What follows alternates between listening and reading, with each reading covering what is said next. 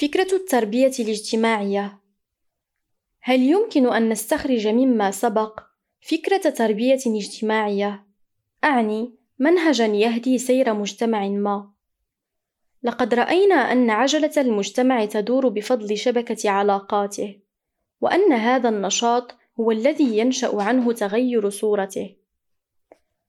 بيد أننا رأينا نوعًا من التعادل بين شبكة العلاقات في مجتمع ما ونظام الاستجابة أو رد الفعل لدى الفرد المكيف. فالمشكلة على هذا واحدة، ولكنها متصورة بمستويين أو في نطاقين مختلفين. نطاق النفس الإنسانية من ناحية، ونطاق الزمن الاجتماعي من ناحية أخرى. هذا التعادل هو الذي ترجم عنه مؤرخ مثل جيزو بلغته حين قال: على ما ذكرنا سابقًا، إن مشكلة التاريخ يمكن أن تتصور بطريقتين، فإما أن نحلها في نفس الفرد ذاته، ناظرين إلى ما يغير ذاته الإنسانية، وإما أن نحلها في نطاق ما يحيط به، ناظرين إلى ما يغير إطاره الاجتماعي. فإذا قلنا إن هناك تربية اجتماعية، فإن قواعدها العامة ينبغي أن تستقى من علم التاريخ وعلم الاجتماع وعلم النفس. ومنهجنا الذي اتبعناه حتى الآن يرجع بالتحديد إلى التاريخ، وذلك لكي نستخرج هذه القواعد في صورتها النظرية والواقعية معًا. هذه القواعد هي ثوابت التاريخ، تلك التي لا يغيرها الزمن على حين يغير المجتمعات. إن نهضة مجتمع ما تتم في الظروف العامة نفسها التي تم فيها ميلاده. كذلك يخضع بناؤه وإعادة هذا البناء للقانون نفسه، وهو أيضًا القانون العام الذي حاولنا تصويره في الرسم البياني السابق، ولعلنا نستطيع الآن إدراكه على وجه التحديد. وربما أدركنا خاصة معنى القيم النفسية الزمنية التي أشرنا إليها ببعض أضلاع الرسم المذكور.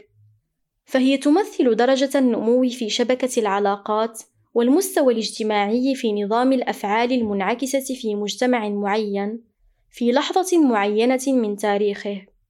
وكل مرحلة من المراحل الثلاث في الرسم البياني المذكور يمكن الآن أن تستبين في علاقتها بهذين المصطلحين. فمثلا المرحلة الروحية وهي المرحلة الأولى في الرسم البياني يمكن أن تفسر بطريقتين تفسر أولاً بلغة علم الاجتماع حين نقول إنها تتفق مع شبكة العلاقات الاجتماعية حين تكون في أكثف حالاتها، لا في أكثرها امتدادًا. هذه الكثافة هي ما توحي به عبارة البنيان المرصوص في قوله تعالى: إن الله يحب الذين يقاتلون في سبيله صفا كأنهم بنيان مرصوص. سورة الصف الآية الرابعة. ويمكننا أيضًا أن نفسر هذه المرحلة بلغة علم النفس حين نقول إنها تتفق مع المرحلة التي يكون الفرد خلالها في أحسن ظروفه، أعني الظروف التي يكون فيها نظام أفعاله المنعكسة في أقصى فاعليته الاجتماعية، وتكون طاقته الحيوية أيضًا في أتم حالات تنظيمها. هذا هو العصر الذهبي بالنسبة إلى أي مجتمع، لا من أجل أنه يبلغ آنئذ أوج ازدهاره، وإنما لأنه يتمتع بميزتين، فقواه جميعًا في حركة، وهذه الحركة دائمة صاعدة. وهذه هي المرحلة الديناميكية التي يدان فيها كل اتجاه نحو التقاعس أو السكون، وهو ما حدث في تاريخ المجتمع الإسلامي الناشئ في قصة الثلاثة الذين خلفوا المشهورة. أما في المرحلة التالية، المرحلة الثانية في الرسم البياني، فإن المجتمع يتمتع بشبكة علاقاته الاجتماعية حين تكون في أكثر حالاتها سعة وامتدادا.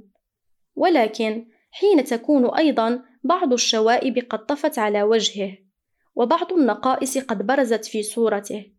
وهذه مثلا هي الحالة التي كان عليها المجتمع العباسي عندما ظهرت مملكة الأغالبة في المغرب في أفريقيا الشمالية. وحين بدأت النزعة الشعبوية في الظهور في المشرق في بلاد فارس. ومعنى هذا بلغة علم النفس أن نظام الأفعال المنعكسة في المجتمع الإسلامي قد تعرض لصدمة صدمة صفين.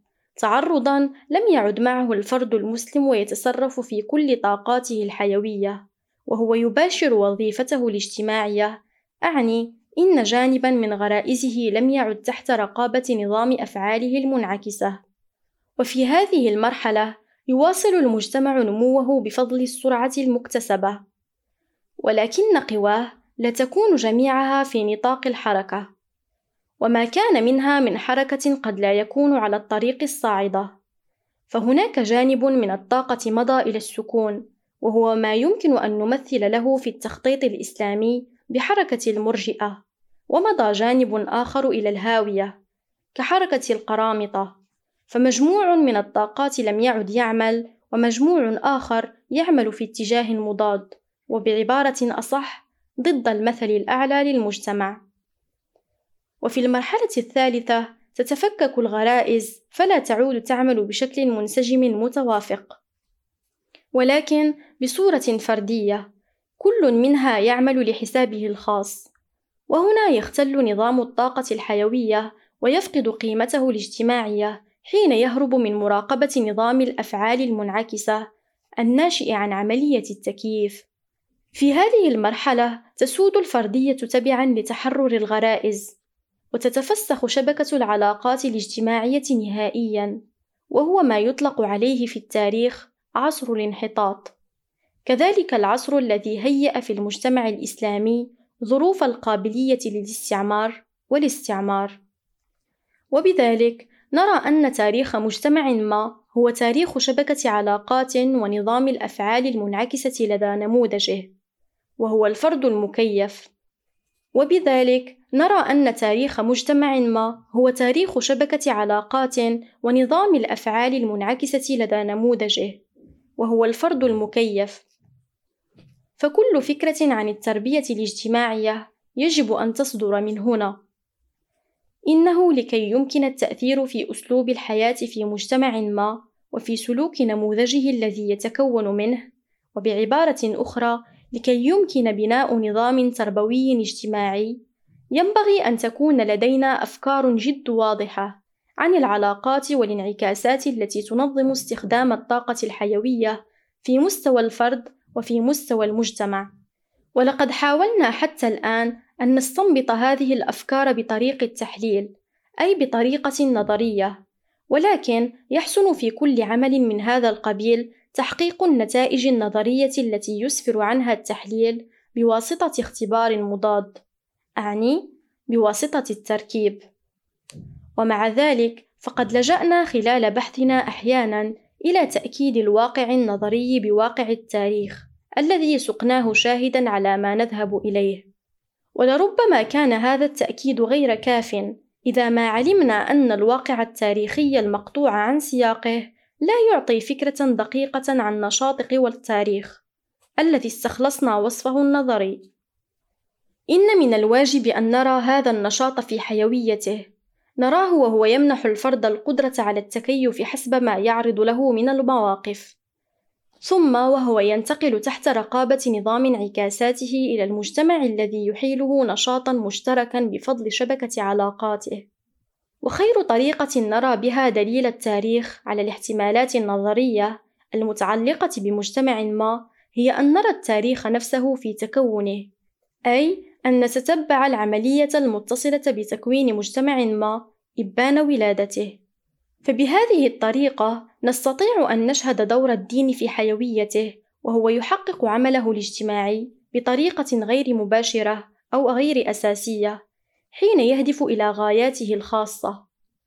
فالدين حين يخلق الشبكة الروحية التي تربط نفس المجتمع بالإيمان بالله، وهو يخلق بعمله هذا أيضًا كما بينا شبكة العلاقات الاجتماعية التي تتيح لهذا المجتمع أن يطلع بمهمته الأرضية وأن يؤدي نشاطه المشترك وهو بذلك يربط أهداف السماء بضرورات الأرض فإذا قال الدين قوله سبحانه وما خلقت الجن والإنس إلا ليعبدون.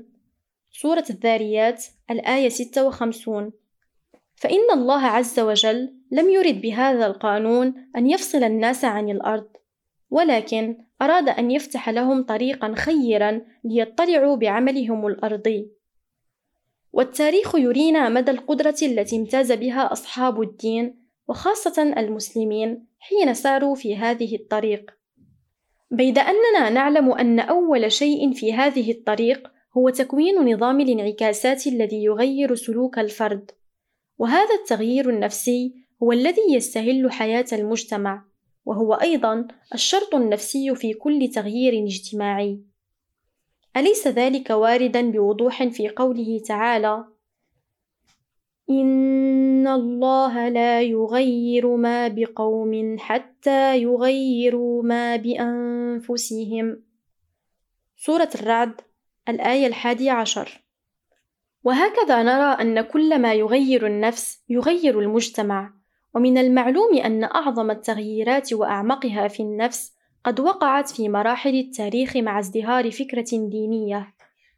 ولو أننا استطعنا أن نتتبع في دقة عمل الفكرة الدينية إبان ولادتها فربما أصابتنا الدهشة لما نشهد في عملها من جوانب غير متوقعة بل ينبغي أيضا أن يمارس المرء بعض التجارب التربوية كي يفهم التغيرات المثيرة التي يمكن أن تتم في كيان الفرد بهذه الطريقة.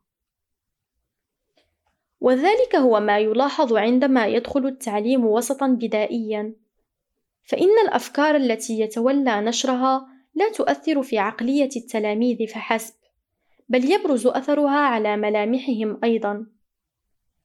إن الفكرة الدينية تحدث تغييرها حتى في سمت الفرد ومظاهره.